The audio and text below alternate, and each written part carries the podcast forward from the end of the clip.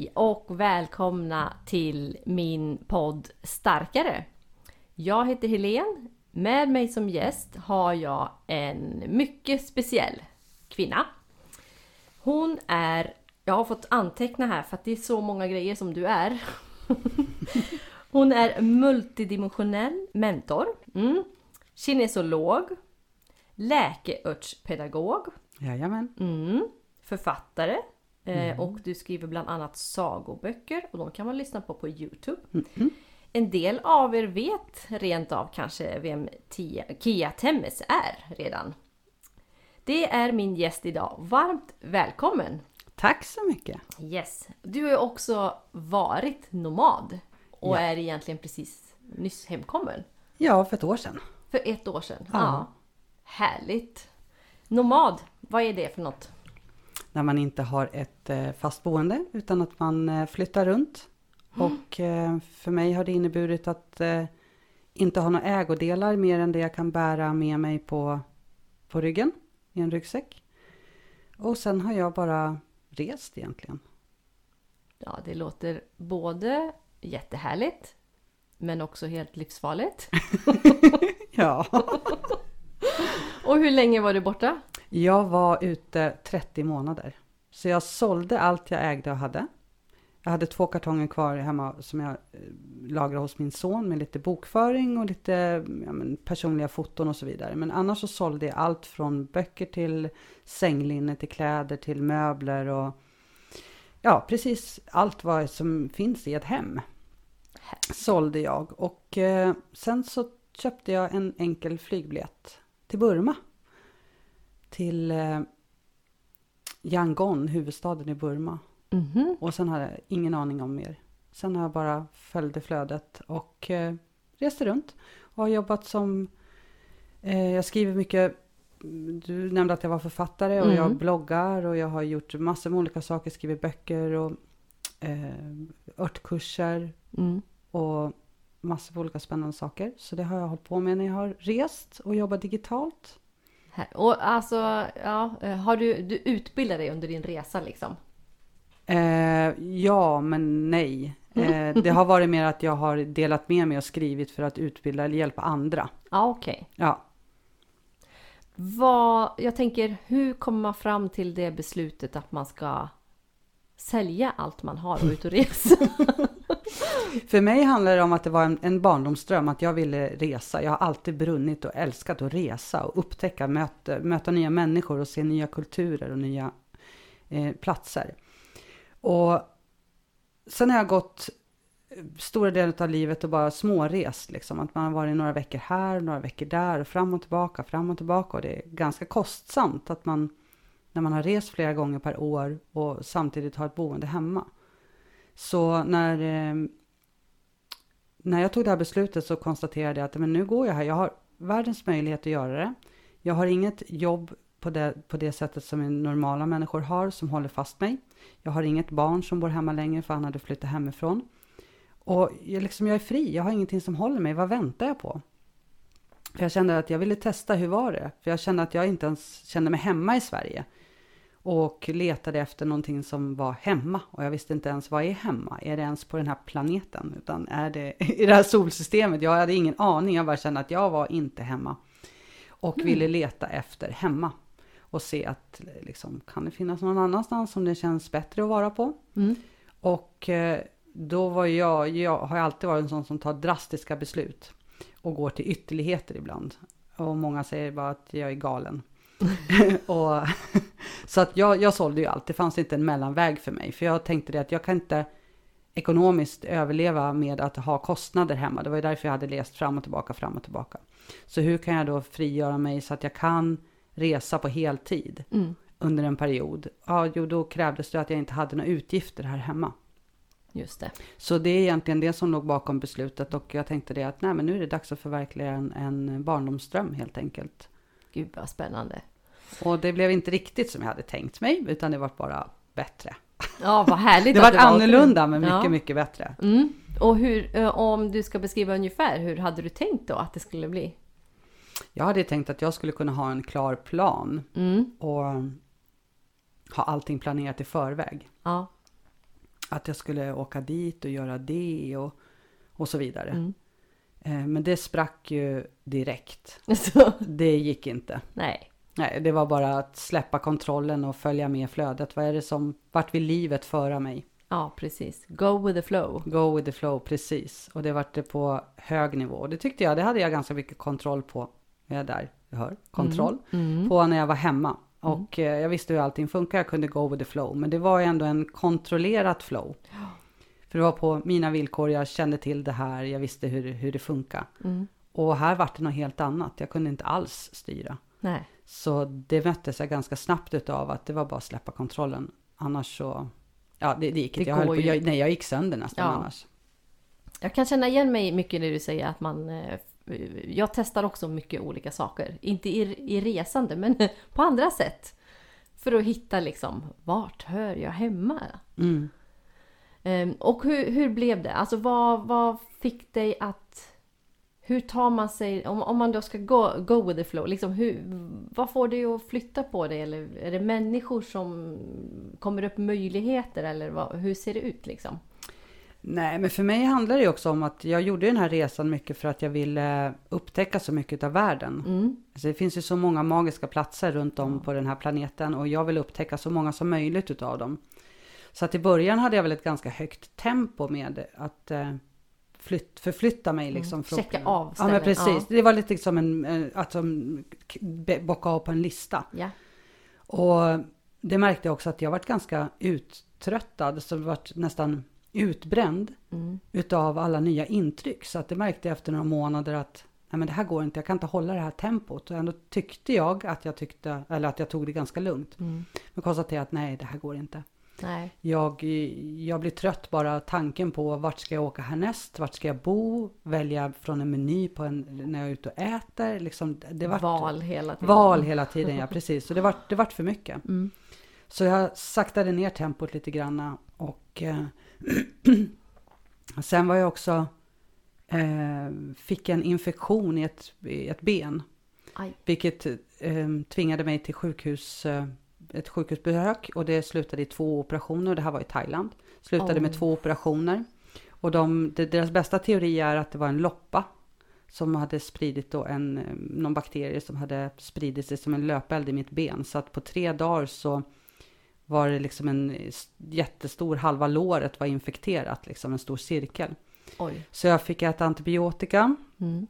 Och två operationer och gå dagligen till sjukhuset i tre veckor för att eh, lägga om det här såret. För att då hade de tagit, det var inte så stort sår i, om man säger, i huden, men de hade tagit typ en sked och fått gräva ur Lägg av. eh, lite död vävnad.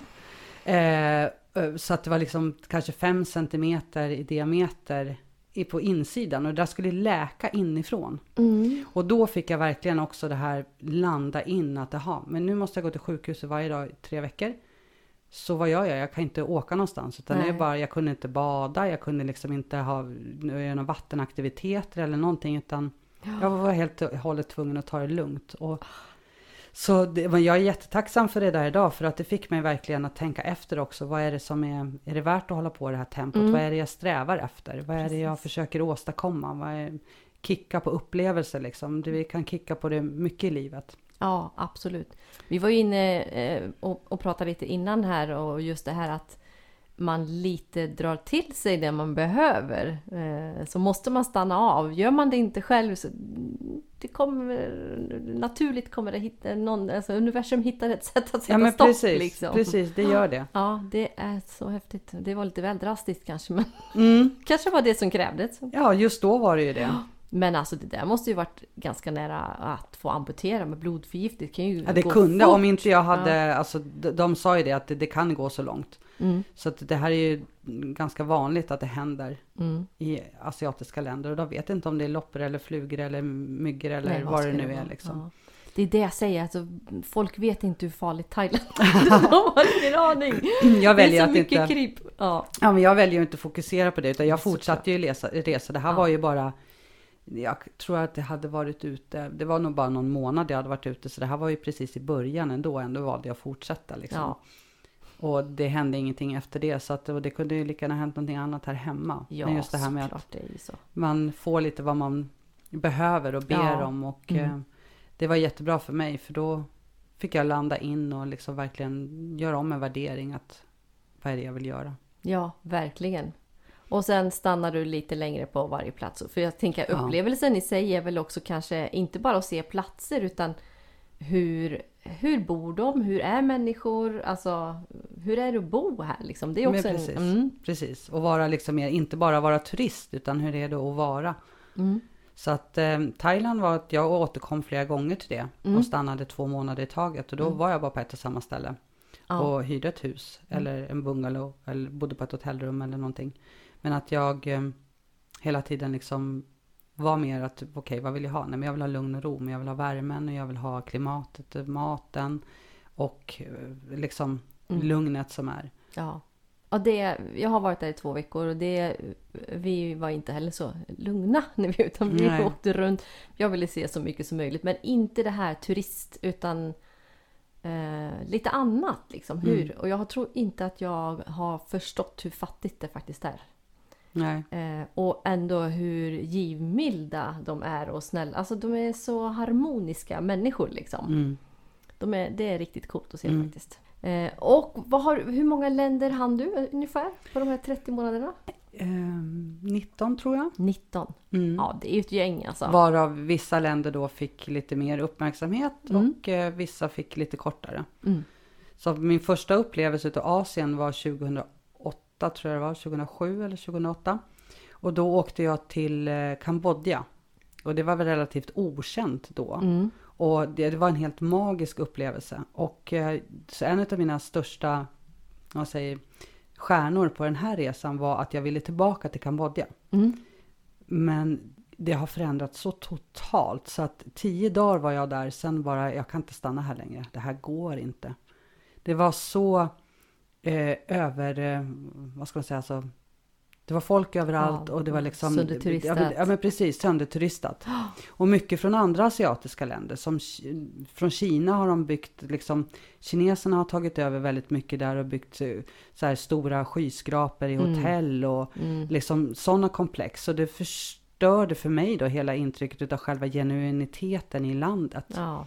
Så andra ställen som jag inte trodde att jag skulle spendera så lång tid på, så då fastnade jag längre perioder istället. Som jag fastnade, eller valde att stanna tio månader på norra Cypern som är turkiskt. ja. Den turkiska sidan. Mm.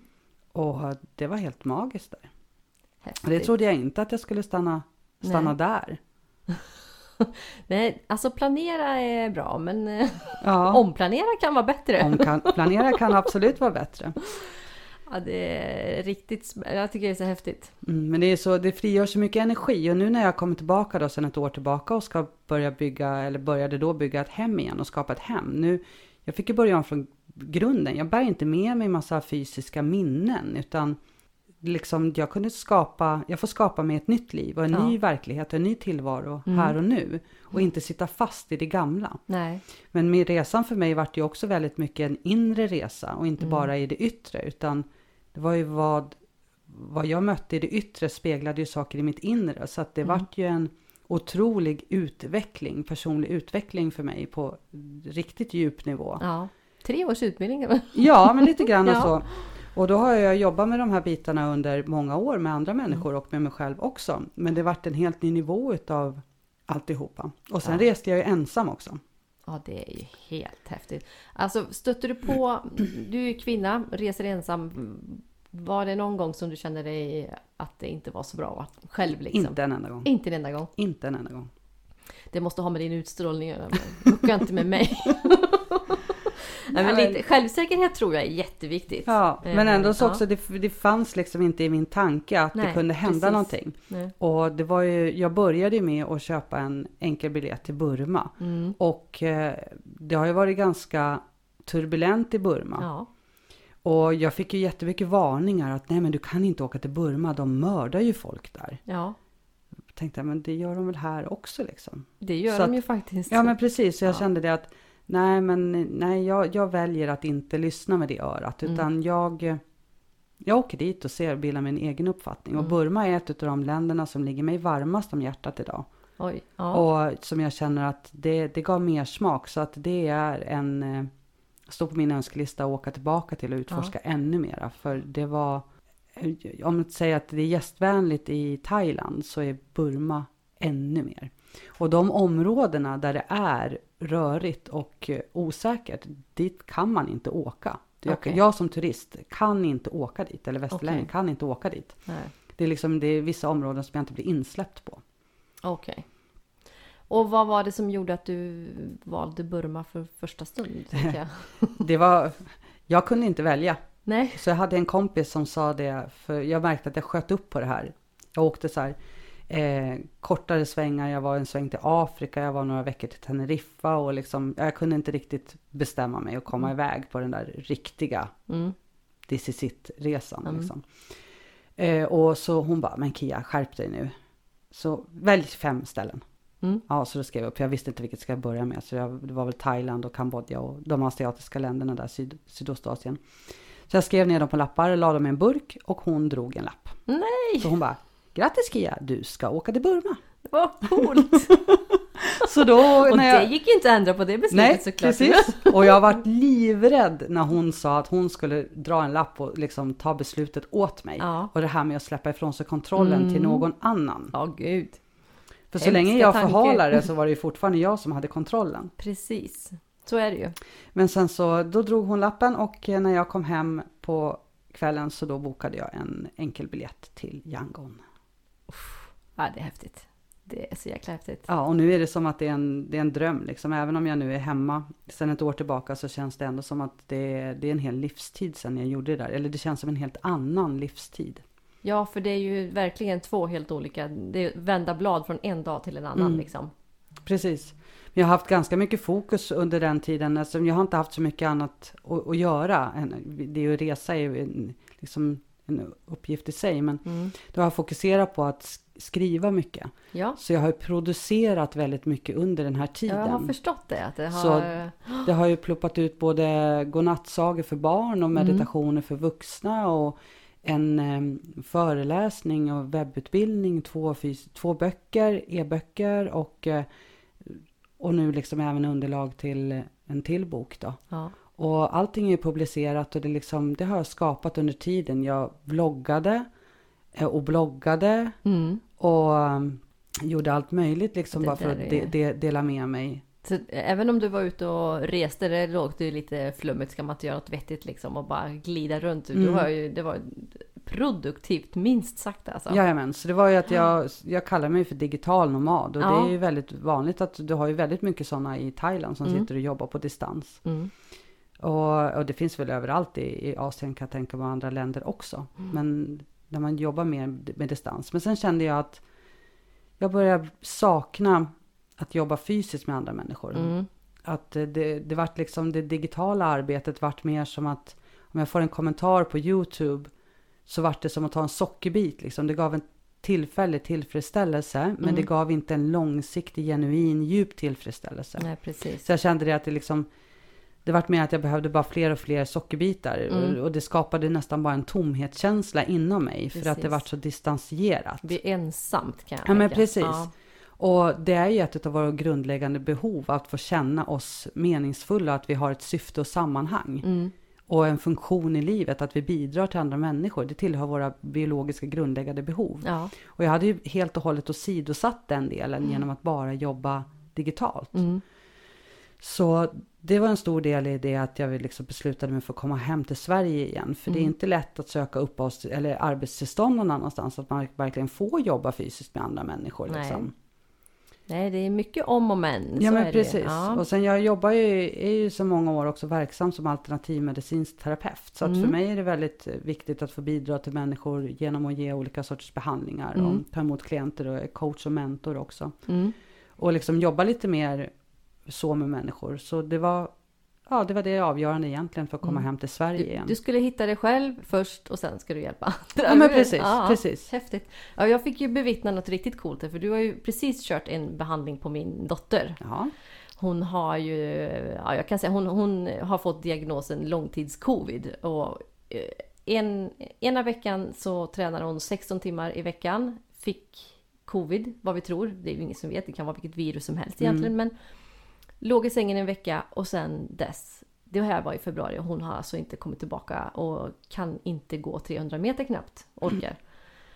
Och nu har du eh, Bemt testat muskler och hon vart... Jag såg ju att hon var ju jättesvag i vissa muskler som du bänder och säger att nu ska hålla emot armen till exempel. Mm, precis, med kinesologisk Ja. muskeltestning. Ja, Mm. och så trycker du, håll emot och så trycker du och hon kan inte hålla emot och den bara trillar ner i, i, i din bänk liksom. Och så är du på några punkter och gnuggar lite. Inte ens någon så här äh, specialmassage utan du har en viss punkt som du gnuggar lite på. Det kittlar, hon skrattar lite. Och så gör ni samma sak igen och hon ser ut som att hon är stark som en oxe. ja, det är så coolt. Ja, det... Jag sa det, min blå sida börjar gråta nu, det där ska inte funka. Och jag är också så här kontroll, jag gillar kontroll. Eh, Jag försöker ju att släppa, jag kan släppa kontroll också men vissa saker, det här, det ska bara inte gå liksom. Nej, men du såg ju också från början när hon hade tre centimeter skillnad på båda benen. Den- Med vänsterben som var längre. Ja, och det har hon gått och sagt att mamma jag tror att jag har ett ben som är lite längre än det andra. Jag bara, äh, du är stel i musklerna säger jag. Så går, vi får, gå, vi får, och du masserar lite här. Och så som du, vet du i, ryggen här i bak, liksom svanken. Det är säkert där, för jag har själv ont. Så jag tänker att det har hon ärvt liksom. Så kommer det där och det är inbildning mest tänker jag. Och så är det det första du säger att hon har ett vänsterben som är längre än det. Precis, så det korrigerar jag genom att trycka på några punkter upp i hennes huvud. I huvudet då, av alla ställen. Mm. Och det var verkligen bara några tryck. Och så skakade du lite i benen och så såg jag ju, jag såg ju att de var lika långa sen Precis. efter. Nej, det är helt... Det är galet. Det är magi. Och det, det är också så här, när man... Alltså, vad man tänker på. Det spelar ingen roll om du tänker ett nej eller ett ja framför någonting. Eh, nu, alltså, om man ska tänka liksom... Du drar till dig olika saker. Och jag sa till dig att du är precis en sån där människa som jag, ska, som jag stryker. Som jag tänker att nej, det där är inget för mig. Jag tror inte på det där.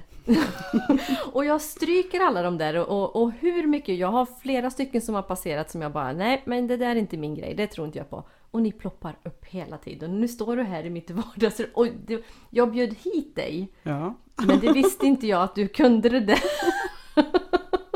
Jag bjöd hit dig för jag tycker din historia, nomadhistoria, den är ju eh, fantastiskt rolig och det tänkte jag, det ska jag prata om. Och så kommer du hit och gör det här. ja, Det är så konstigt. jag är, jag, jag är så mycket. Ja, men det är precis det där brukar jag säga. Jag är mycket. Eh, Mm. För folk frågar också, vad gör du? Ja, jag är mycket. Och du, men du är nog ännu mer skulle jag säga. Mm. Jag har varit så genom hela livet att jag vill, jag vill nosa på alla möjliga områden. Ja, Och istället för att eh, göra som många, att jag djupdyker och liksom blir expert i ett område, så känner jag att jag vill kunna lite om mycket. soulmate säger jag bara. Ja,